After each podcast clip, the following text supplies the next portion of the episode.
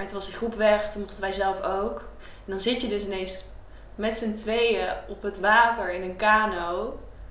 Ja, mobiel, stroom, dat is er allemaal niet. Eh, je, hebt je, je hebt je spullen in je kano en eh, dat is het. Ja. En Er is water.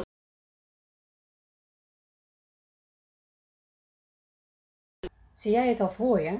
Jij in die kano met alleen maar water om je heen? Dit bootavontuur was onderdeel van Sophie's reis afgelopen jaar. Ze kwam dichter bij zichzelf, bij wie ze echt is, door een ander pad te gaan bewandelen. Aandacht te geven aan wat haar lichaam, haar gevoel haar vertelde. Bewust de natuur op te zoeken, te ervaren wat dit met haar deed. Om vanuit daar weer echt verbinding met haar lichaam te kunnen maken. Meer vanuit haar eigen basis te gaan leven. In deze aflevering van de podcast Studio Bewust Bloeien vertelt zij haar verhaal. Haar ontdekkingstocht naar hoe je kunt luisteren naar je lichaam. Wat dat voor Sophie betekent. Wat voor haar verbinding maken met de natuur is. Wat dat je allemaal kan brengen. En hoe je hier meer naar kunt leven. Mijn grootste inzicht zit hem in het avontuur. Waar je elke keer weer bewust in kunt stappen. Wat je elke keer bewust in kunt gaan. Je maakt je eigen avonturen. Die avonturen geven Sophie enorm veel energie. Levensenergie. Wanneer voel jij die energie? Wat zijn jouw avonturen? In deze aflevering komt gevoel en verbinding maken met je lichaam helemaal naar voren. Het laat zien hoe je vanuit daar kunt groeien en te leven naar wat echt bij jou past. Studio Bewust Bloeien is een ontdekkingstocht. Samen maken wij die tocht. Heb jij genoten van de podcast? Vertel het door aan je vrienden of deel een printscreen van de podcastaflevering en tag Studio Bewust Bloeien en ons, Sophie Koldenhof en mij, Hilde Spitters, op persoonlijke titel hierin. Deel ook vooral jouw inzichten op deze manier. En wil je graag dat ik op een bepaald thema inzoom? Stuur me dan een persoonlijk bericht. Laten we beginnen. Heel veel luisterplezier. Hey Sophie, superleuk dat je hier bent. Eh, lieve luisteraar, we zitten vandaag eh, op koude water. Eh, het is een mooi landgoed van de Conscious Academy. We hebben het hier al vaker over gehad eh, vanuit de podcast met Evie. En vandaag ben ik hier met Sophie. Sophie woont hier op het landgoed als onderdeel van de Conscious Academy, als een community. En ze gaat je dadelijk nog veel meer eh, uitleggen over wie ze is, eh, wat ze hier doet, hoe ze hier is gekomen. Ehm, en vandaag gaan we het met Sophie hebben over ja, wat is haar verbinding met de natuur? En hoe voelt ze dat? En hoe ervaart ze dat? En hoe leeft ze daarnaar? En eh, ook ja, hoe ervaart ze dat in haar lichaam, hoe komt ze in haar lichaam, wat voelt ze daarbij? En ja, hoe kan zij nou luisteren naar haar lichaam. En een tijdje geleden was ik met Sophie in gesprek toen ik hier was en toen vertelde ze gewoon een aantal dingen lukraak. En toen dacht ik, oh Sophie, jou moet ik vandaag, ik moet ik echt nog even spreken. En daar werd ik zo blij van. En jij werd ook gelijk enthousiast. En ja, super fijn. En welkom vandaag hier. En nog één ding voordat we verder gaan, Sophie, is ehm, eh, waar zitten we nu? We zitten nou op jouw kamer en er is hier een kaarsje aan bij de tafel. Er liggen mooie stenen die jij volgens mij hebt uitgezocht en neergelegd voor nu op dit moment. Waardoor het eh, één geheel voelt. En ik heb mijn schoenen ook lekker uitgedaan om lekker comfortabel hier te zitten. En eh, met jou tegenover me. En helemaal in rust te zijn om dit gesprek aan te gaan. En er een fijn en mooi gesprek van te maken.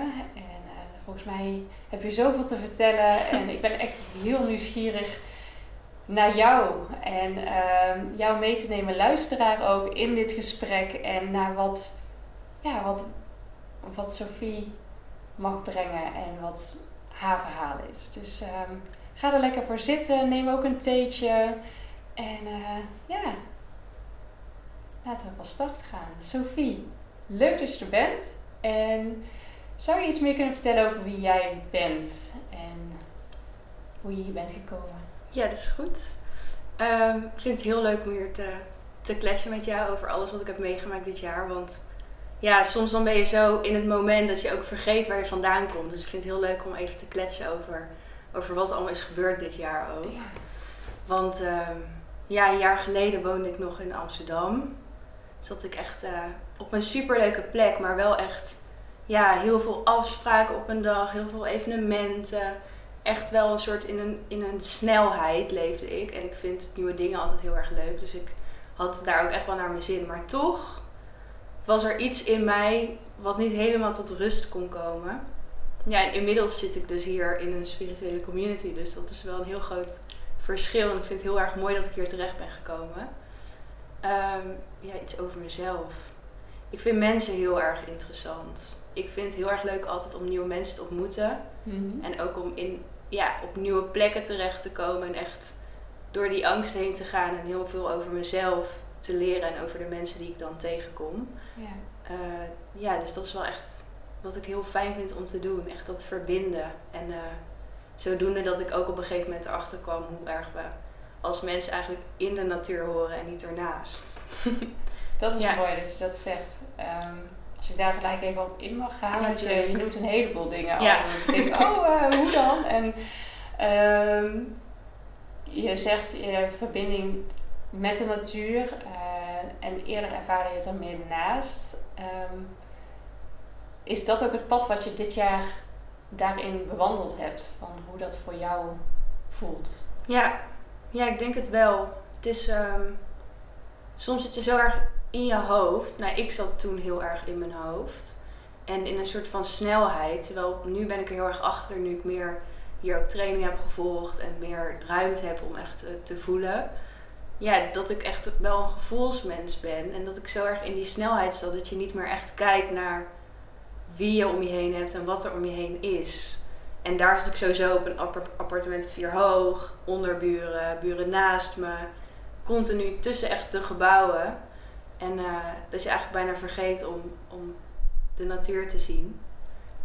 Ja, dus daar is wel eh, veel in Ja. gebeurd. En wat triggerde jou nou om van Amsterdam weg te gaan? Ja, het van is best wel een verhaal. Ja. Nou, ik zat dus in dat leventje en eigenlijk was het voor. eh, ja, het klonk allemaal heel perfect. Ik was daar, ik had daar stage gelopen en ja, ik wilde heel graag. Die baan heette De Verbinder, dus dat was ook wel mooi, de Connector, want Ja. dat was een Engels bedrijf. En ehm, ja, ik was dan de verbinder tussen alle mensen die er woonden, alle mensen die er werkten. En daar deed ik de evenementen voor met weer mensen uit de stad. Eh, dus het klonk allemaal heel erg mooi, maar ja, ik merkte gewoon qua emotie dat ik echt van die momenten had dat ik gewoon helemaal vol liep. En dat eigenlijk elke keer als ik dan daarheen liep, dat ik ook voelde van dat, hoe moe ik was. Omdat het zo, er, er gebeurden gewoon heel veel dingen daar, heel veel evenementen, heel veel afspraken. Intens. Ja, heel intens was het. Ehm, en steeds meer had ik interesse voor spiritualiteit en bewustzijn. En eh, ja, toen kwam er daar iemand op mijn pad met wie ik samenwerkte. En die had daar een, een onderneming in. Bij Lief Leven, zeg maar. Toen hebben we samen ook iets eh, gecreëerd. Ja, en toen voelde ik wel van, ja, dit is veel meer mijn, ja, mijn manier van leven. Ja, dus toen eh, ben ik daar beland. Toen merkte je van, oh ja, er is, er is meer dan het perfecte plaatje eigenlijk wat je benoemt. En ook, Ja, je zag dat zo en je ervaarde het in eerste instantie denk ik ook zo. Ja, mijn lichaam die, die wilde ook gewoon niet meer. Ja, En ik was altijd al heel open, maar ja, het ging daar gewoon extreem omhoog en omlaag qua emotie. Wat al genoeg zei over het feit, ja, het was gewoon niet meer de plek. En dat was wel moeilijk, omdat ik daar heel veel, ja, ik, ik was daar altijd en ik maakte daar heel veel mee. Dus daar heb je echt dan heel veel lieve mensen waar je dan afscheid van moet nemen. ja. Ehm, ja, maar mijn lichaam, die, ja, ik kon echt niet meer. ja, en wat, wat in jouw lichaam zei dan, ik kan niet meer?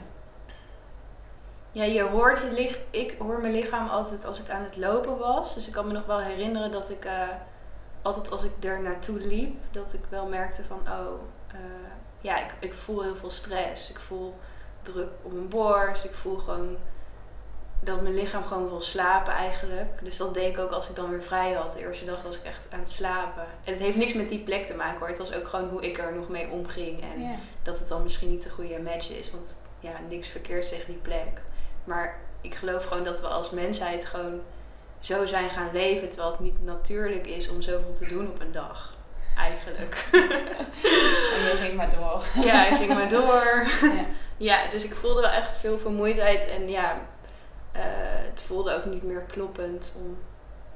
Ja, ja het, het past, ik voelde het gewoon dat het gewoon niet een goede match was, zeg maar. ik zie je nou ook een beetje struggelen van ja, het was, het was daar gewoon. Ik voelde het. Ja, het ik voelde en wist, het klopt niet meer. Maar ja, hoe je dat dan hoe je dat beschrijft. beschrijft inderdaad. En Ja. waar dat dan vandaan komt. Maar eh, misschien het belangrijkste is dat je ernaar luisterde. En niet zozeer wat dat was, hoe dat in elkaar zat. eh, Ja. hoe je het kunt beschrijven. Maar het feit dat je merkt, je merkt iets op waarvan je zegt... Nee, dit kan niet meer. En hier moet ik nu mee stoppen. Ja, En daar luister ik vanaf nu naar. ja, Dus dat stukje. ja, Ja, want dat heb je gedaan. Want je bent uit Amsterdam weggegaan en je zit nu hier en daar is een heel, heel pad voor heb je bewandeld. Ja. Hè? Je, je zegt al, eh lief leven was eh, start eigenlijk van, oh je hebt een andere manier van kijken daarin gekregen. eh, Een andere persoon die op jouw pad kwam daarvoor. ja. Eh, kun je iets meer over dat, de rest van dat pad bewandelen, eh, wat je bewandeld hebt, vertellen? Ja, want toen kwam ik bij Lief Leven en eh, ik had denk ik het heel erg op een voetstuk gezet. Het was zo groot voor mij zo'n voorbeeld, omdat ik al zo lang, ja, ik las dat altijd, omdat ik een aantal jaar daarvoor al eh, eh, had ik paniekaanvallen gehad. En eh, ja, toen heeft toch dat, dat bewustzijn en spiritualiteit mij wel getrokken. Omdat ik eerst een soort van wel in de medicijnen en, en de ja, psycholoog ook. Maar het voelde voor mij veel beter om dan juist die andere kant te leren. En toen kwam ik daar en toen was het alsnog, hoe mooi de missie ook was, wel een plek waar je achter je computer zit en eh, dingen aan het regelen bent. Waarvan ik dacht dat dat mijn ding was, maar omdat ik juist zo eigenlijk alles had losgelaten. En oh, nu kan ik tot rust komen en ik weer in die rol moest. En toen was ik eh, uitgenodigd voor de Helweek om mee te doen. En ehm, daarin ga je gewoon een week lang uit je comfortzone leren heel veel onderwerpen. eh, van hoe je deel je tijd in tot en met wat is je missie, waar ben je nou echt boos over, hoe, hoe eet je. Je ging echt je hele leven onderzoeken en echt daaruit. Ja, en tijdens die helnacht, dus dan moest je dus een nacht doorhalen. Je stond al de hele week om vijf uur op om echt te sporten en zo. Eh, toen dacht ik, ja, ik ga dit niet in Amsterdam doen hoor, want ik moet wel kunnen springen en zo. Maar ja, mijn onderburen altijd heel erg bezig met anderen. Dus ik dacht, ja, ik moet even ergens weg. Ik ga wel een, eh, een huisje boeken of zo, ergens waar niemand me hoort. Dus dan gewoon, gewoon in de natuur of zo, dacht ik toen. Dus toen had ik dat gedaan. En toen heb ik de hele nacht vuur gemaakt. En toen heb ik al die sessies gedaan, eh, ook tai chi. En op een gegeven moment ja, lag ik echt zo op dat gras na zo'n sessie te huilen. En ik had een soort van ja, met meditatie ga je natuurlijk heel ver naar je onderbewustzijn. Dus dan, soms dan zie je ook beelden. En ik zag echt zo de natuur als, als een soort van... Kijk, wij zijn er eigenlijk altijd. Wat zijn jullie mensen nou aan het doen door dat hele... Wij zijn toch gewoon altijd hier. Kijk naar hoe mooi het is. Er is niks wat moet. Het is er allemaal al. Ja, en toen heb ik wel de beslissing genomen van... Ja, ik moet echt helemaal hieruit. Ik moet echt de natuur in. En toen ben ik... eh, heb ik een vriendinnetje gebeld die al echt op natuur... eh, projecten zat. En toen, eh, ja, binnen een paar weken zat ik in de bus daarheen als reisleider. En dan daarheen is. en naar Zweden ging ik. Ja, want naar, Zwe- naar Zweden ging ik. Ja, dus dat was wel echt een heel intens proces voor jou, die helweek, die ook weer op je pad kwam door eh, Dat ik daar je was. weer, weer werkte. En toen kwam die helweek, daar helemaal volledig ingestapt. Ja, En toen dacht je, oké, ja, volgende stap. ja. ik Wat zo moeilijk was. Wat zo moeilijk was. Omdat ik echt in mijn hoofd had, dit is het. Ja. En toen was ik daar en dat was het niet. Dus omdat dan, ja, dat heeft wel echt lang geduurd. En ook sowieso om weer weg te gaan, zeg maar als mens, om zo te veranderen van je ritme. En dan net weer gewend zijn en dan weer eruit. Ja. Mijn lichaam was al super moe, dus dat was echt veel. Ehm, ja, en in Zweden ben ik wel, heeft de natuur mij tot rust gebracht. Oh, Dus dat was heel bijzonder. mooi. Kun je iets meer vertellen over Zweden? Ja, ehm, het was van.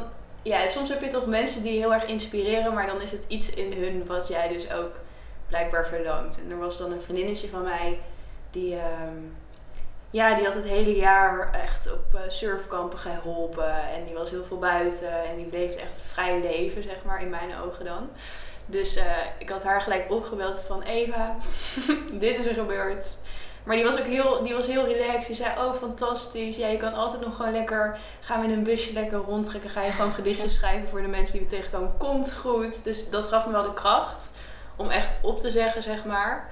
En toen uh, had ik mijn huis onderverhuurd in Amsterdam en uh, mocht ik naar Zweden. En daarbij ging ik eerst dus een week een kanotrip um, doen. Ja. En dan zat er dus al een ranger op die plek. En onze taak was dan met de bus van Nederland naar Zweden, dat allemaal een beetje regelen. Op die plek een beetje helpen met de pakketten die ze kregen en de workshop die ze moesten doen. En dan even opruimen en die groep ging dan weg. En dan mochten wij zelf ook gewoon niet toch doen. En dan moesten we iets eerder terugkomen en dan... Uh, en een kanotocht. Een kanotocht ja. van een week en echt in het wild. Dus echt wild kamperen met je... Ja, alles wat in je, in je kano, zeg maar. Ja. Uh, dus dat vond ik super spannend. Ik weet nog dat ik in dat bed lag en dat ik dacht, dit is de laatste keer dat ik in een bed lig. Daarom ben ik in een van de bos in Zweden. Ik vond die bustocht ook eng omdat het is de eerste keer dat je dat doet en je moet gelijk een bustocht begeleiden. En het was zeker chaotisch. Dus ja, ja, dus toen was ik ineens in Zweden. En daarna zou ik dan een paar weken um, op een ander kamp aan de andere kant zitten. En daar hadden ze gewoon tippie-tenten en yurts. En daar uh, was gewoon een groep voor een week. En die konden dan meedoen met activiteiten. Dus daar was je echt met een groep op dezelfde plek. Ja. Dus dat is een beetje wat ik in Zweden heb en, en wat deden die mensen daar dan? Bij de kanotrip of bij die andere? Ja, bij allebei. Dan was het heel anders. Uh, ja, het was heel anders. Het was wel van dezelfde organisatie. Kijk, bij de kanotrip was heel erg het concept... je gaat met je beste vriend of met iemand die heel dierbaar is... je gaat met z'n tweeën in je eentje de natuur in. Ze dus vertrokken ook allemaal uh, uit elkaar. Je, ja, je komt soms iemand tegen, maar je bent wel echt alleen in de natuur. Ja. En um, ja, super bijzonder was dat. Wat was er zo bijzonder aan? Um, ja, je voelt je op een gegeven moment echt weer gewoon mens. Ik kan me nog heel goed herinneren dat ja, die eerste dagen met die bus, dat was echt weer regelen en hoofdwerk natuurlijk. Maar toen was die groep weg, toen mochten wij zelf ook. En dan zit je dus ineens met z'n tweeën op het water in een kano. Ja, mobiel stroom, dat is er allemaal niet. Uh, je, hebt je, je spullen in je kano en uh, dat is het. Er is water, er zijn geen prikkels ineens. Het is gewoon helemaal rustig. En de eerste dag is dat heel raar. Sowieso om dan te wennen dat je 24-7 met iemand op twee meter afstand in een, in een kano zit. En sowieso het leren kano, want ja, ja dat is allemaal nog nieuw. uh, heel blij dat zij wel uh, richtingsgevoel heeft en kaart kon lezen, want daar was ze niet zo goed in. Maar uiteindelijk merk je gewoon uh, ja, dat je lichaam eerst op zoek weer wil naar prikkels en uh, dingen doen. Dus we gingen ook echt, weet je wel, we moeten zoveel kilometer, we moeten die dag daar zijn. Gingen we helemaal weer in het, ja, in, het tent opbouwen en go, go, go. op een gegeven moment ben je zo rustig. Je merkt ook aan hoe laat wij vertrokken. De eerste dag moesten we vroeg opstaan, want we moesten nog zoveel kilometer. En de derde dag waren we gewoon lekker op, uh, aan het zwemmen eerst. Gewoon rustig aan. Je, je merkt gewoon hoe erg je... Um, ja, je, ging daar ook, je kon daar uitdrinken nog. Een van de weinige Stukken waar je echt water gewoon kan drinken zonder dat je moet filteren. Ja, het was gewoon echt heel bijzonder. Ik zie het ook aan je. Ja, de luisteraar, jij kunt het niet zien, maar je ziet, en misschien, misschien hoor je het wel in, de, in, in Sofie's stemmen. Ik zie aan jou dat je weer helemaal terug gaat naar die, die dagen en dat je van dag 1 tjik tjik tjik naar, oh ja, dag 3 was zo anders. en jou, jouw hele reis zie ik hier nu voor me. ja. ja, en het was heel grappig, want uiteindelijk was het één groot avontuur, omdat we eindigden met een storm en niet meer mochten op het water mochten en geen oh. water meer hadden. Dus het was echt net expeditie Robinson, maar even in zaten op het eind. Ja, okay. En hoe weet je dat dan? Is dat van tevoren al bekend dat dat kan gebeuren en word je daarvoor gewaarschuwd? Of? Ja, een beetje. Je hebt allemaal een GPS bij met een noodknop ook. Oh ja. En uh, je merkt het sowieso wel aan de wind en aan het water. En je bent heel erg fragiel in zo'n minibootje. En alles zit er natuurlijk in, dus als je omvalt, ja, dat is alles, is alles weg. en uh, we hadden dan wel een mobiel en een powerbank. En ook omdat wij nog, zeg maar, in dienst ook waren, keken we dan een paar keer per dag op die app. En andere mensen ook. En daar, er was een app met de Ranger en die deed ook elke dag weer even het weer en eh, wat weetjes over waar we dan langs kwamen. Oh, ja. En oh, hier moet je niet iets drinken. Oh, hier kun je naar die sluis naar het supermarkt als je weer normaal eten even wil. Was dan top, dan konden we daarheen.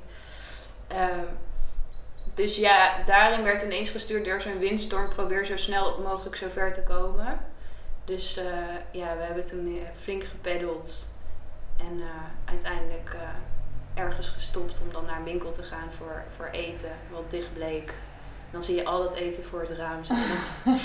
en eh, ja, je mocht daar ook net niet drinken en we hadden geen water meer bijgevuld. Dus toen zaten we ineens vast Oh. op een rots met z'n tweeën. ja, Hoe was dat voor je? Ehm, ik merk dus dat ik enthousiast word van wat er dan gebeurt. Wat raar is, want andere mensen zouden misschien denken: nee, maar ik vind avontuur fantastisch. Dus ik dacht echt: wow. Maar ehm, ja, de dag daarna konden we dus naar dat winkeltje weer lopen. Ja. En eh, ik merkte wel dat ik zeg maar eh, heel veel had en de hele nacht over water had gedroomd. En eh, dat het uiteindelijk toch niet super prettig was. Maar gelukkig was daar uiteindelijk het winkeltje de volgende dag en heel veel lieve mensen en zo. Het zijn we goed opgevangen. Oh, dat is fijn. Ja. ja. Veel warmte en iedereen herkenning. Oh Ja. ja, dit was eh tough, maar Ja. hebt je er doorheen Ja, gehaald. Wat, ik kan me voorstellen dat het ook wel heel fijn is. Oh, ik kan dit ook aan. ja precies. Ja. Ja, en ik zie jou inderdaad ook heel erg enthousiast worden. Van, oh, leuk avontuur. Niet per se helemaal leuk hoe het was, maar wel dat je een avontuur bent aangegaan. Ja. ja. Ja, dat is blijkbaar waar ik dus enthousiast van word. Ja. En ehm, daarna ging ik drie weken op een kamp werken waar we, ja, waar een groep gewoon, een soort camping eigenlijk kun je het zien. Maar dan wel dus met yurts en tipi-tenten en er waren ook kano's en je kon daar ook meedoen met meditaties. En zo ben ik wel weer in het spirituele wereldje beland, terwijl dat niet per se de intentie was. Maar wel spiritualiteit plus natuur plus met mensen werken en die dan daar tot rust konden komen. Ja. En dat vond ik leuk. Ja. Oh ja? Ja. Wat deed dat met jou dan? Als- Ehm, Kun je dat nou, beschrijven als ik jou zo zie dan? Iemand zei tegen mij: Het lijkt wel of je met iedereen aan het flirten bent, zelfs met de gasprietjes. Zij komt de tent uit als een soort van stralend blij kind. En ze gaat ook zo weer slapen. Het is er gewoon een, weet je wel, dat was het heel erg. Gewoon verliefd op het, op het leven, blijkbaar gewoon. Ja. En ehm, ja, toch met een groep mensen in de natuur zijn en eh, zien wat het met mensen doet, vond ik heel mooi. Eén keer wel, ik weet niet of hij dit gaat luisteren, maar was er een groep en daar was dan een gezin bij uit Rotterdam en dat was echt een ondernemersfamilie en die waren echt eh, ja, bezig met ondernemen en werken en eh, doen. En dan had je zo die vader en die eh, was nog een beetje van eh, kampleiding en een beetje grapjes maken over dat ze dan ineens op een camping waren. Ja. Ik kwam er ook achter wat voor opleiding had gedaan. En dat, die zitten dus eigenlijk in die businesswereld. Dus die snapte ook niet waarom ik dan kampleiding was geworden ineens. En hij zei... is hier ook... eh, wat is de wifi-verbinding? Want eh, voetbal wil kijken vanavond. Ah, ja. Toen had ik tegen hem gezegd... eh, we verbinden hier niet met de wifi, maar met elkaar. en ik vond heel... Dat, ik zag gewoon kijken en ook een beetje lachen. Maar uiteindelijk is hij dan na een week zo verbonden geweest met mensen die totaal eigenlijk buiten zijn wereld stonden. En is hij helemaal tot rust gekomen bij het vuur. En zegt hij met tranen in zijn ogen iets over verbinding. En dat vind ik dan heel mooi om te zien hoe mensen zo loskomen ineens. ja, precies. Ja, Ja. Ja. Wat mij dan ook weer laat afvragen. Hoe komt die persoon daar? Om, ja, omdat jij net zegt, ja, dat is, dit is waarvoor het is. Dus dat is heel eh, grappig om dan te horen van dat er zo'n ondernemersfamilie daar, Daar toch- is. daar komt. En Ja. ja, ook dat doet en echt helemaal loskomt en ervaart hoe het is als je de verbinding maakt. ja. Ja, ik weet niet. Het is wel, uiteindelijk kom je er dan achter dat, ondanks dat ze ondernemers zijn, ze natuurlijk ook gewoon heel veel levenservaring hebben. En ze het juist tof vinden om campings te bezoeken in plaats van van die chique hotels. En er werden ook heel veel grapjes gemaakt over dat ze nooit naar camping zouden gaan. Maar uiteindelijk blijken het wel gewoon mensen te zijn die het ook heel prettig, juist die mensen vinden het heerlijk. En die moeder bleek uiteindelijk ook psycholoog te zijn. Dus uiteindelijk viel het allemaal heel erg mee. Maar het was heel erg ook, ja, het was gewoon heel grappig om Ja. te zien dat dat Ja. zo, ja, dat het zo ging. Ja, wat Ja. mooi. Hey, en wat ik nog, eh, voordat we uit Zweden gaan, nog één vraag. Want ehm, dat water, wat deed dat met je? Want je was daar alleen maar omringd door water op een gegeven Ja. moment als je in die kano zit. Wat, wat gaf jij dat? Ehm, nou, als kind was ik al in mijn eentje op een mini surfboardje de hele dag in de zee. En zelfs in Amsterdam had ik water gevonden waar ik op ging suppen. Dus Mm. water doet heel veel met mij. En ehm, ja, wat het mooie was, omdat het zo'n helder water was, weerspiegelde de lucht in het water. Dus rond de avonduren werd de hemel werd rood en dan ook het water. En het was echt, ja, ik kan daar wel video's laten zien, wat ze dan natuurlijk niet kunnen zien als ze luisteren. Maar het was zo mooi. niks aan video's nu. Nee, het was zo mooi. En ehm, ik weet ook nog één avond dat het volle maan was. Dat je gewoon de volle maan zo weerspiegelend in het water. En dan allemaal volle manen, zeg maar, zag. Dus het was gewoon één grote, ja, grote film van de natuur bijna, dat water. Ja. Dus dat was wel bijzonder. Je voelt je ineens heel erg dus in de natuur. Omdat je met je kleine bootje daarin bent. Precies. Ja. Een heel klein onderdeel Van. van, ja, mooi. Ja. Ja. Oké, en toen, toen Zweden, had je die drie weken gehad eh, bij de jeugd op de camping. Ja. En wat was je volgende stap? Nou, ik voelde daar heel erg, ik wil dit blijven doen. Eh, dit soort dingen. Ja. Een plek waar mensen tot rust komen. En dat, was, ja, dat voelde ik heel erg. Maar dan moet je natuurlijk terug. En ehm, dat is echt, was echt heel moeilijk. Sowieso, ik had daarvoor al wel via mijn opleiding had ik heel veel trajecten al gedaan in het buitenland. Dus ik wist wel hoe het was. Eh, Zo'n cultuurverandering, dat, is dat heeft best wel een impact op je. Sowieso, je verandert van, je moet afscheid nemen van iedereen. En je verandert weer van land. Ehm, en ik ging dan naar Amsterdam, wat dan ook echt een uiterste is weer. Dus ik had het heel zwaar. En ik ben toen ook best wel, ik heb mijn kamer langer onderverhuurd, omdat ik echt wist dat ik kan nu niet naar Amsterdam. Toen ben ik hier in Brabant, wonen mijn ouders, die wonen echt bij een park, ben ik daarheen gegaan. En alles in mij wilde gewoon heel erg, eh, ja, een plek waar mensen kunnen komen en natuur en ja, echt iets betekenen en niet te gaan leven. Maar in je hoofd is dat dan allemaal, en je voelt dat ook. Maar ja, je zit wel nog in een wereld waar je eerst dus die baan had in Amsterdam en mensen die, ja, het is toch spannend om die stap te nemen. Dus ik heb zo getwijfeld over dat huis in Amsterdam, ben ik wel nog heen gegaan echt bij vrienden op de bank geslapen, omdat ik dan wel nog mijn huis had onderverhuurd. Ik had het mezelf ook veel moeilijker gemaakt dan dat het zou. Ik had eigenlijk gewoon nog een huis, maar ik deed alsof ik huisloos was of zo. Maar misschien moest ik dat even zo ervaren. Ja, en dat ik echt gewoon zoveel prikkels en dat ik zo voelde van ik moet hier weg. Maar ik wist nog niet wat de volgende stap was. En iedereen uit Zweden ging echt op retreats in Portugal werken. En ik voelde gewoon, ja, ik moet eerst hier in Nederland tot rust komen. Ik moet eerst iets aan mezelf voordat ik naar Portugal moet, want anders wordt het weer vluchten naar het buitenland. Ja. Zo voelde het voor mij. Maar ik wist niet wat ik dan wel ging doen. Dus dat was voor mijn hoofd heel ingewikkeld. En eh, toen moest ik ineens mijn huis uit in Amsterdam. Wat ook een soort van heel bijzonder was, dat het uiteindelijk kon ik maar niet die beslissing nemen. En het leek net alsof de beslissing voor mij werd genomen. En toen kon ik of het huis zeg maar overnemen van, ik woonde samen met iemand van hem en dan volledig die verantwoordelijkheid dragen van, en die, dat was zijn huren waar u Ja. tegen zegt in Amsterdam. En ik had natuurlijk geen baan meer, dus ik kon het niet eens meer betalen. Dus dat was de vraag of ja of nee. Dat was echt nog een vraag. En ik wist nog niet wat het wel zou worden, maar ik wist wel dat het eigenlijk nee was. Dus toen heb ik echt nee gezegd, maar goede vrienden die weten wel hoe dat voor mij was. Echt huilen aan de telefoon. Ik kan dit niet, maar ik weet niet wat. Oké, Sophie, je weet, het komt goed. Komt goed. ja. Nee zeggen.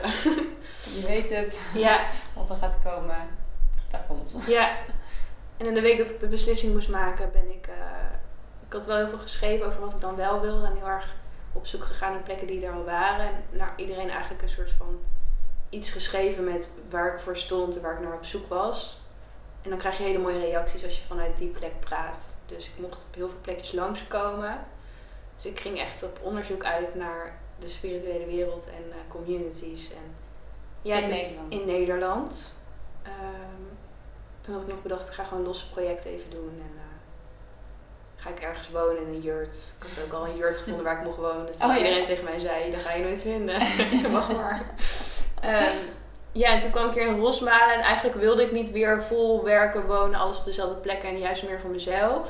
Maar ik was hier in Rosmalen en ik, en ik wist van, ja, dit is het. Ja. Dus toen eh, ja, wist ik ook waar ik dan heen ging. Dus binnen een week was ik dus hier ineens, waar ik nu ben. Super mooi. Ja, Ja. Dat je het ook wist. ja wist hè? ik. Dus dat, dat je toen je hier kwam, dat je oh ja. Ja, want in Zweden zag ik deed het libelles. En ik zat daar wel echt tussen mensen die ook heel veel wisten over dieren en zo. Die zeiden altijd, ja, libelles, transformatie, het- weet je wel. En mijn buurvrouw in Amsterdam, ehm, ja, hele wijze vrouw. En doordat zij dan een vorm van autisme heeft, past zij dan niet in de maatschappij. Terwijl ze echt zo waardevol iemand is en zoveel dingen ziet. Die zei ook altijd, jij bent een libelle. Die vervellen heel vaak. Dus je hebt nog heel veel transformaties te gaan, maar komt goed, net als een libelle. En in Zweden zag ik die libelles weer. En steeds als ik aan het fietsen was door het bos, dan, en ik was weer helemaal in rust, zag ik ze weer. En toen was ik dus hier in Rosmalen. Ja, ik heb eigenlijk gekozen deze plek ook. Ik voelde het ook, maar ook tijdens het gesprek zag ik dus allemaal libelles. En dacht ik, ja, nu weet ik het zeker. Oh, wat grappig. Ja, Wat mooi hè? dat is wel mooi.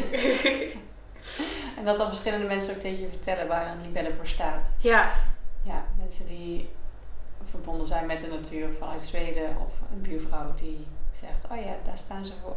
ja, mooi hè? ja, ja, ja, mooi.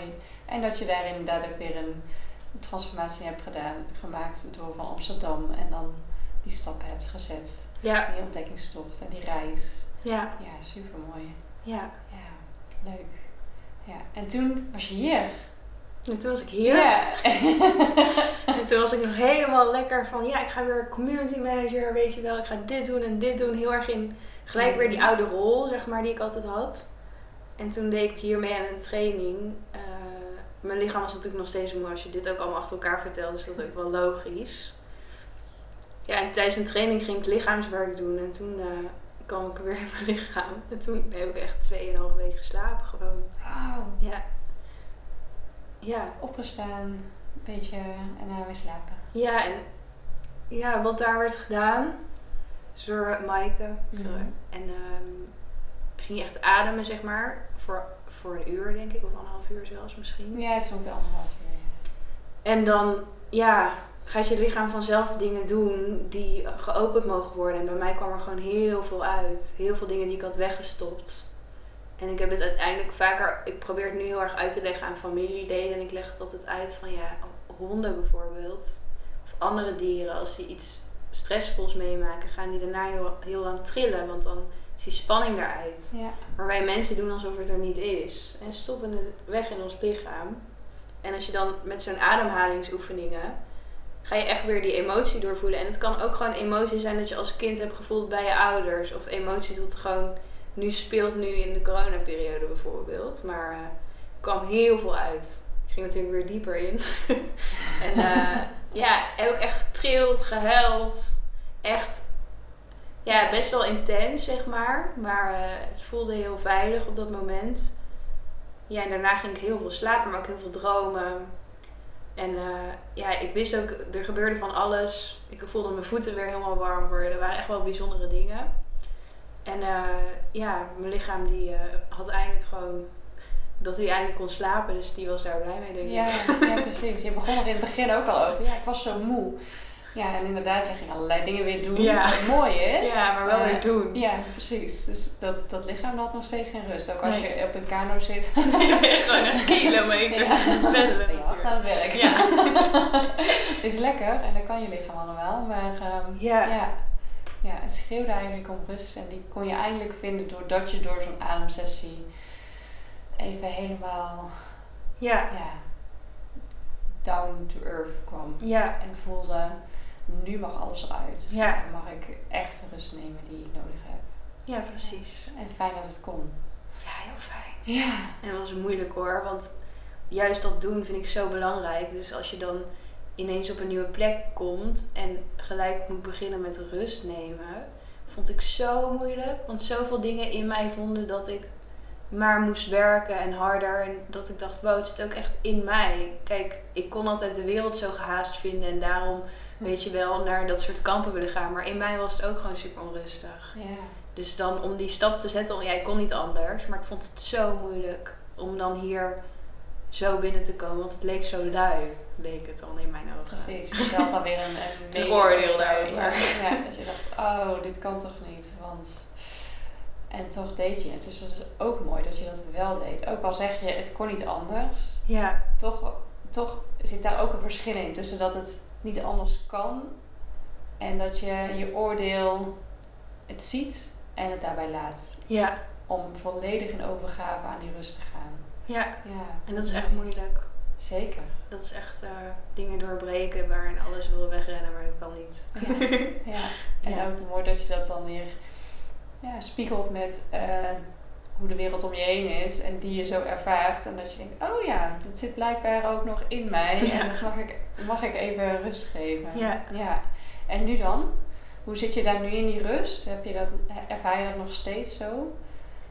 Ehm, ja, heel erg. Ik heb op een gegeven moment echt nee gezegd tegen die oude rol die ik altijd aannam. En veel meer ruimte gecreëerd. Waardoor ik steeds meer erachter kom ja, wie ik ben van mijn natuurlijke rol, zeg maar. Ehm, en ik weet nu steeds beter hoe ik weer tot rust kom. Dus even lang douchen. En ik doe nog steeds ademen met mezelf. En dan ging ik ook zelf op een gegeven moment door dingen heen. Vond ik heel mooi dat ik dat ook zelf kon. Ja, ik vind Mhm. dingen dan helemaal interessant. Dus ik helemaal die ervaring gehad met het ademen. Dus ik, ik ga het ook zelf uitproberen. Hoe kan dit? Dus dan dacht ik hier in mijn kamer, ging ik dat proberen. En dan ging ik ook weer helemaal trillen. Ehm, maar nu is er wel veel aan de hand, ook in mijn familie. Er is iemand overleden ook. En ehm, ja, dan sta je ineens heel anders weer stil bij het leven. En komen er ook heel veel oude emoties los. Ja. Dus ehm, ja, echt rustig zal ik het niet per se noemen nu. Maar ik heb wel de tools om mijn lichaam weer te laten uitrusten. Ja, Dus precies. ik ben echt blij dat ik hier ben op dit punt in mijn leven. Ook met deze mensen om me heen weer. Ja. Ja. Ja, doordat je ja, eerst rust in jezelf hebt gevonden en je zegt je hebt er tools voor om daar dat weer terug te halen, waardoor je er ook weer uit kan stappen en er weer terug in kan stappen Ja, als je het precies. nodig hebt. Ja. Ja.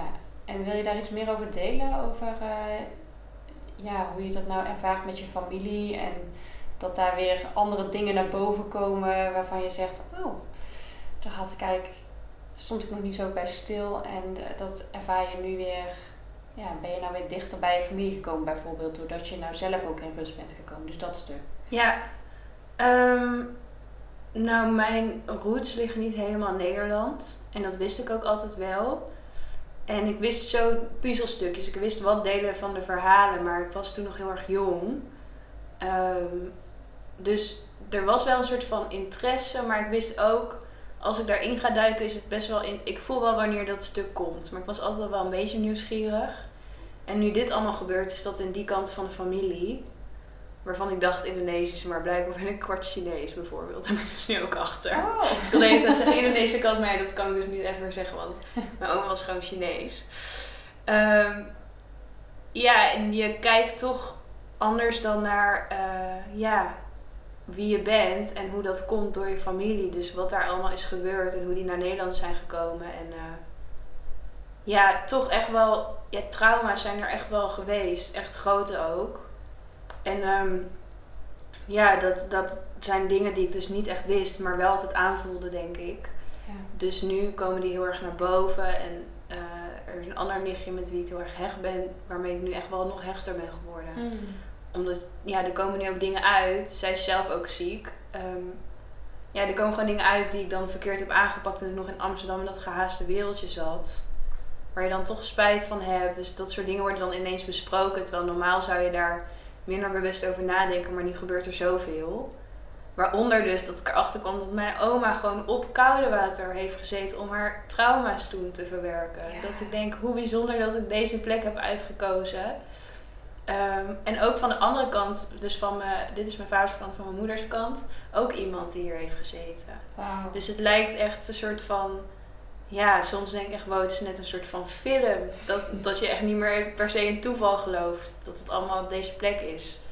Dus ik zit wel echt in de, eh, ja, in familieverhalen. Ik ben steeds meer zo aan het te weten komen. Het voelt een beetje als puzzelstukjes, waardoor ik mezelf beter begrijp. Precies. Mooi. Ja, Ja, dat is het, hè? Dat je weer meer van jezelf leert doordat, ja, doordat je dat er verschillende families weer bij elkaar komen waarvan je helemaal niet wist dat dat zo was hier op deze plek. ja, En ook doordat je nou in, dit, in, dit, in deze eigen reis zit. ja, misschien ook dat je, doordat je de rust hebt gevonden, ook weer open kan staan voor die nieuwe transformaties waar je doorheen mag. Ja. Als libellen. Ja. ik ben naar de turf 14 keer, dus ik heb er al drie gehad. drie grote. Ja, precies. Mooi. Ja, dus dat is mooi. Ja. ja. Hey, en ik wil het nog, ook nog over hebben, want die jucht is al een aantal keer naar boven gekomen. Ehm, maar je bent ook nog in een jucht met de campercoach geweest, Ja. toch? Ja.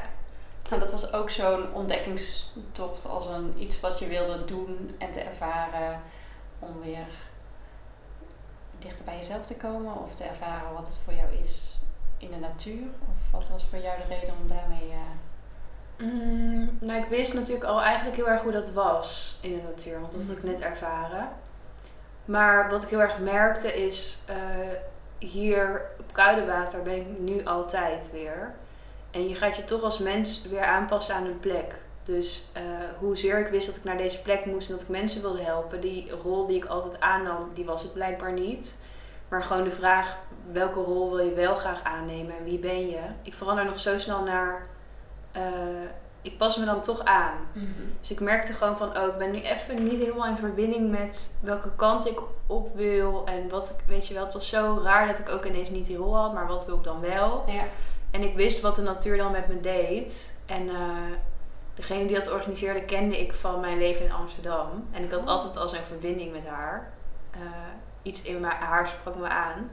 Dus het was ook weer heel grappig dat zij ook dus weer van Amsterdam naar Koude Water. Dat zij dus eerst in die oude community van me zat en nu in deze community. En zij vertelde dat ze dat ging doen. En die Maaike was daar ook. En dat met dat adem was voor mij echt helemaal ook inspirerend. Dus daar was ik ook echt. Ik dacht, ja, ik moet daar zijn. Dus toen ging ik daarheen. Ja, mooi. Ja, Mooi, ook om te, voor jezelf hier misschien in Nederland te ervaren dat je ook eh, die rust ehm, en die verbinding met de natuur kan maken. Om vanuit daar ook weer te weten welke rol mag ik aannemen. Ja. In plaats van ehm, ja, te, meer te zien, oh ja, dit moet gebeuren en het doe, doe, doe. Maar vanuit jezelf naar Ja. de doe, ja. doen versie te gaan. Ja, mooi. ja, en de eerste nacht ging, ging ik dus buiten slapen. Want ik dacht weer van, ja, jurt, dat is allemaal, het is allemaal in mijn comfortzone. Ik moet weer iets nieuws. Weer terug Weer iets- ja. Dus toen dacht ik, die sterren zo mooi. Het was daar helemaal open. Het, vroor, het was echt koud, zeg maar, min nog iets s'nachts. Toen heb ik echt zo buiten dicht kijken naar allemaal vallende sterren de hele nacht. Ja. Ja, het was echt mooi. Ja, en dat dat kan hier in Nederland. Ja, dat hè? kan Dus dat- gewoon. Wel koud. ja. Precies. Want wanneer was dat? Het was, dat was in, de, in de herfst, toch? Of Het is in de een maand geleden. Oh, pas. winter. Ja. Ja. Ja. En ik weet nog, s ochtends, zeg maar, mijn hele, mijn hele slaapzak was gewoon bevroren, zeg maar. En allemaal ijs eroverheen. Ah. Dus de dag daarna heb ik zeker de hele dag naast het vuur, want mijn lichaam was echt veel te koud. Maar ik was gewoon zo even, ja, lekker tussen die sterren dat ik ook niet weg wilde uit het Nee, dat is het dan, hè? Dat Ja. je dan, dan zo'n mooi moment van, van kan genieten.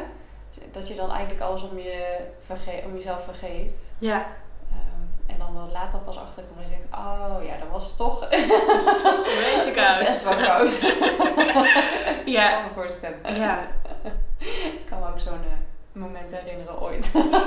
vertel. toen ik in Australië was met een vriendin, toen gingen we in zo'n camper. Mhm. En dat was dan een camper. En dat was in Perth. En toen gingen we zo'n rondreis maken.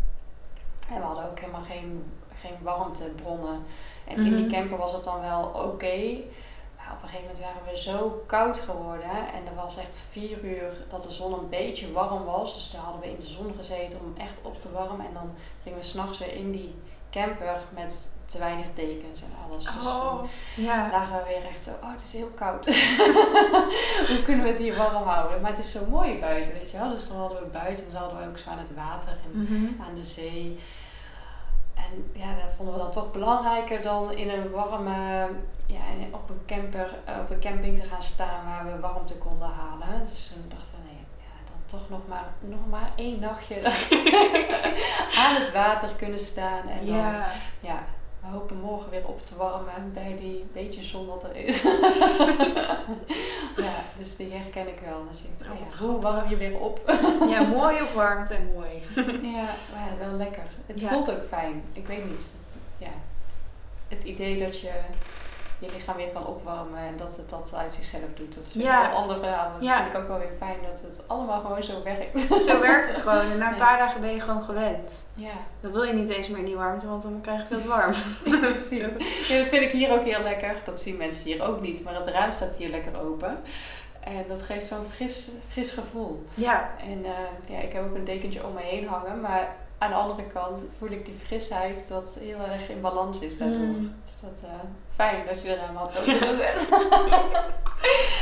dus ehm, ja, wat ik me ook nog afvroeg, hè? we hebben nou jouw hele mooie reis met de avonturen die jij ehm, beschrijft en daar ook echt instapt. Dus dat vind ik ook, dat vind ik ook heel mooi dat je dat zegt, dat je dan een avontuur hoe groot of hoe klein ze ook zijn, dat je het als avontuur ziet van dit is iets nieuws en dit laat mij het gevoel geven dat, dat ik leef en dat ik, ja, dat er een energie bij me naar boven komt, omdat je denk ik daar ook zo instapt. Dus dat ga ik voor mezelf in ieder geval meenemen. Dit is nou al een van de inzichten. Dan denk ik, ah ja, door er gewoon alleen al zo in te stappen, wordt het dan veel meer avontuur. Dus dank je wel daarvoor.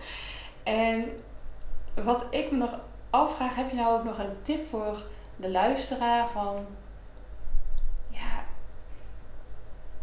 probeer dit eens of hoe jij je verbindt met de natuur. Wat iets kleins is, wat in de red race van dat drukke leven Ja. wat we allemaal hebben, ehm, ja, mee kunnen nemen om zo die verbinding met de natuur en verbinding met je eigen lichaam te, te ervaren. Jazeker. Want uiteindelijk heb ik dat ook wel kunnen toepassen in dat drukke leven nog. En dat hielp mij zo erg. Ik ging dus altijd wandelen. Maar je kan natuurlijk wandelen om van punt A naar punt B te gaan. Maar je kan ook wandelen.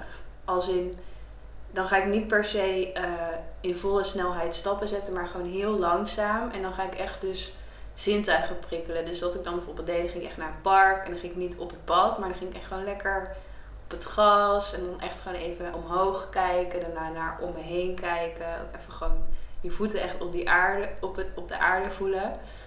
Ehm, zodat je echt even stilstaat, mobiel uit. Ehm, ja, en dan even een paar keer zo diep ademhalen vanuit je buik. En dan voel je wel echt een soort van kalmte weer of zo. En ineens voel je dan ook van, oh ja, soms moet je beslissingen nemen op een dag of ben je met dingen bezig. En dan komen er ook altijd hele mooie inzichten die je juist verder helpen. Dus het is niet eens, zeg maar, als je in die snelheid zit, denk je nog, ik heb geen tijd om naar de natuur te gaan. Maar dan moet je juist gaan en dat Ja. gaat je dan zo helpen om en weer rustig te worden. En om, om even de dingen weer in te zien die je eigenlijk juist nodig had. Ehm, dus dat deed ik ook altijd eh, voor de mensen die dus echt afspraken in hun agenda plannen en zo, zoals ik toen deed. Ik gewoon in de pauze ging ik niet weer allemaal mensen en prikkels opzoeken. Ging ik dus weg en dan ging ik dat doen. En dat heeft mij heel erg geholpen. Ja, Ja. fijn. En dus ook echt iets om te kunnen gebruiken, altijd. Ja, ja niet mobiel. Ik, had, ik heb nu mijn melding allemaal uit. En alleen, ik heb dan allemaal zo dingen ingesteld dat je niet de hele tijd wordt gestoord. En s'avonds ook niet meer. Ja, En 's ochtends ook niet als eerste. Want dat doet het gewoon met je brein. Als je gelijk begint met die berichtjes en die snelheid, dan zit dat in je lichaam. Dus ik had echt mijn ritueel om rustig op te starten en ook weer rustig te gaan slapen. En nog steeds lukt het soms niet, want het is echt iets waar je soms echt ingezogen wordt. En ook soms wil ik een meditatie doen, zit dan weer op die mobiel. Dus dat is dan ingewikkeld wel. Ja. Maar ik weet wel dat sinds ik daar bewuster in ben, zeg maar wat een mobiel en social media met je doet, dat het al heel veel heeft geholpen ook. ja. Ja. mooi. Ja. Fijn. Fijn. Fijn om mee te nemen. Hey, en waar ik altijd ehm, graag mee afsluit, eh, heb ik ook verteld dat ik graag met een recept afs- afsluit om eh, of een voedende gewoonte. Dus het is een beetje, ik kijk altijd naar eten, vaak naar eten, maar het mag ook wel een, een gewoonte zijn. Dus die, wat je net al als tip nam, ik denk dat het ook echt wel een gewoonte is die je voedt om tot rust te komen en veel meer te leven naar vanuit hoe jij zelf wil leven. Ehm, maar heb je toevallig ook nog een echt recept als het gaat om eten? Ja, daar hebben we het ook over gehad, want die heb ik hier al een keer gemaakt. Wat ik heel erg heb geleerd, ehm, ook weer in Zweden, is dat je ontbijt en het eerste wat je eet zo belangrijk is. En ehm, ik probeer altijd niet meteen te ontbijten, maar echt pas als ik honger krijg. Dat is intermediate fasting, dat je niet continu aan het eten bent. Dus dan Mhm. is dat meestal iets later op de dag, zo rond 11 uur, 12 uur. En dan maak ik altijd een havermoutje. Maar dan ga ik altijd eerst heel lang het fruit in kokosolie met wat kaneel en kurkuma lekker. Dat het echt het fruitsap eruit komt. En daar doe ik dan havermout in. En noten en zo. En dat is zo lekker, want het is bijna meer een gebakje dan dat het echt pap wordt. Omdat Ja. het echt in dat fruitsap, zeg maar. Ja, dat vind ik zo lekker. En eh, dat vind ik altijd wel fijn om mijn dag zo te beginnen. Dat is dan ook echt een momentje. En het liefste maak ik dan voor meer mensen. En dan zijn hier ook meer mensen. En dan ja, even een havermoutje. Dat is dan leuk. Ja, Vind ik fijn. Ja, echt een mooie start van de dag. Ja, en het ruikt lekker. Als je al zegt eh, kaneel erbij, dan eh, en Ja. het fruit. Ja, en de tip die jij dan nog hebt voor het weekend is dan... Dat je ook nog lekker pindakaas. dat is zo lekker. Oh, ik ben Ja. bang dat het nou door ons gelachelijk Oh. is overstemd. Maar pindakaas is een, Pindakaas. ja, heerlijke toevoeging om even nog een extraatje te geven. Ja, Hè, om eh, er nog meer van te genieten. En wat je zegt, het is dus niet alleen maar dat die havermout, maar het is ook het hele ritueel wat je eromheen hebt. Dus om er even voor te gaan staan, om het te maken, om het daarna te eten. Dat je het andere mensen ook kan, eh, kan geven en dat er meer mensen dit momentje hebben. En die hebben het ook weer omdat het door jou gemaakt wordt. Of, eh, hè, dus dan ja, dat is dan weer een mooi. extraatje Ja. erbij. Dus dat hele, alles eromheen is eh, zeker passend bij die gewoontes die ons voeden en ons eh, Ja. ja, weer even een geluksmomentje op de dag eh, brengen. ja. Fijn. En ik heb nog wel één tip die heel fijn is om in je lichaam te komen. En dat is gewoon muziek opzetten en dansen en springen. Of als je boos bent, gewoon echt even op kussen slaan. Dat je echt even je lichaam beweegt. Dat is echt wel iets wat heel erg helpt. Dus gewoon Ja. muziek opzetten en even heel veel springen en stampen. En dat is echt heel lekker om te doen. Heerlijk. Fijn. Ja. Ik zou daar heel graag mee, eh, mee eindigen. Ja. Echt een eh, fijne tip. Dankjewel Sophie. eh, dat je vandaag zo open over, dit, over jouw zoektocht en jouw ontdekkingstocht hebt gesproken. En over jouw avonturen die je steeds aangaat. En eh super fijn. En jij luisteraar, dankjewel voor het luisteren. Ik hoop dat je net zo genoten hebt als ik. ehm, van deze ja, anderhalf uur misschien. Nee, Oh, het, zal, echt? het zal geen anderhalf uur zijn. Ik weet niet hoe ver we zitten. Dus we zitten ergens eh, in de tijd. En ik hoop dat je net zo genoten hebt als ik van het, eh, van het gesprek. En tot snel.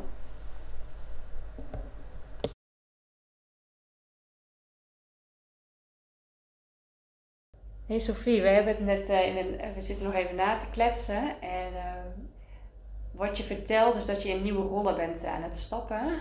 En eh, de zoektocht daarin bent. En een van de dingen die we ook nog heel graag zouden willen bespreken, naar aanleiding ehm, van, van tevoren en ook weer daarna, is die, die ene rol die je nou ook alweer eh op je pakt, is namelijk dat je gedichten schrijft en vanuit de situatie kijkt wat er is, wat hoe je het voelt en vanuit daar eigenlijk het op papier zet wat er op dat moment is. En Ehm, je had het daar straks in de podcast ook over ehm, de volle maan en de weerkaatsing op van het licht ehm, van die maan weer in het water.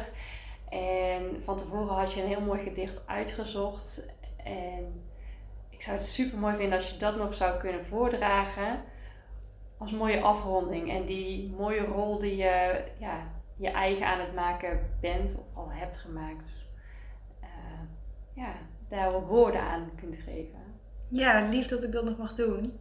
Want inderdaad, het mensen ontmoeten en het door emoties voelen. Ik merk dat ik daar heel natuurlijk dan over schrijf. Dat ik dat heel leuk vind ook. Ehm, dus ook over de natuur, maar ook gewoon als ik hier dan een bijzonder iemand ontmoet en die vertelt dan heel open, vind ik het leuk om dat in woorden samen te vatten en dan als cadeautje terug te geven, zeg maar. Ja, heel mooi. Ja, dus ik zal het even voorlezen. Ehm, oh ja, en ik wil misschien dan nog wel zeggen dat het dan Zo Schrijft heeft, heet. En dat ze het ook wel kunnen opzoeken. Yes. Want ik vind het dus heel leuk om persoonlijke gedichtjes te schrijven. Dus als er iemand is die door iets moeilijks gaat, of er is iemand overleden, of er is juist een bruiloft, vind ik het heel mooi om voor bijzondere momenten gedichten te gaan schrijven. Ik vind het ook spannend om nu zo te zeggen. Het is heel nieuw voor mij. Maar wie weet dat iemand luistert en denkt, het lijkt me super mooi, dan mogen ze mij altijd een bericht sturen. Ja, zeker. Dat is mooi. Ja. Ehm, dit gedichtje heet Maan. De maan is soms zo alleen in die donkere hemel. Toch weet je dat de maan dat hoort te doen. Ze is dan op haar krachtigst.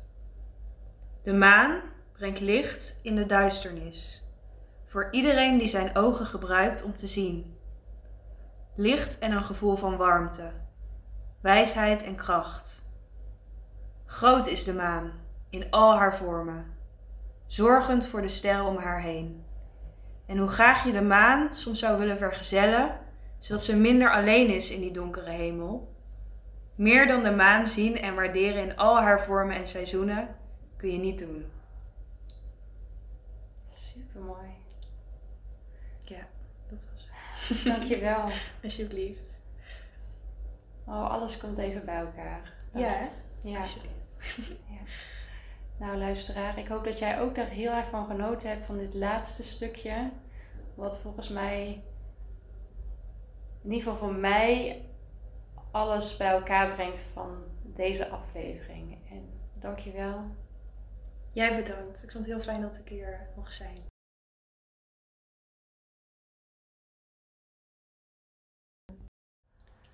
Oh, lieve luisteraar, het zit er weer op. Ik hoop dat je net als ik weer genoten hebt van deze aflevering. Heb je een mooie inzicht of learnings opgedaan? Zeg het voort. Of deel deze podcast door een printscreen te maken en te delen via Instagram of LinkedIn. Tag hierin podcast Studio Bewust Bloeien, tag de geïnterviewde en tag mij, Hilde Spitters. Zo kunnen we jouw inzichten delen met onze luisteraars en neem ik jouw inzichten ook weer mee in nieuwe afleveringen van de podcast Studio Bewust Bloeien. Lieve luisteraar, weer ontzettend bedankt voor het luisteren en je gedeelde inzichten.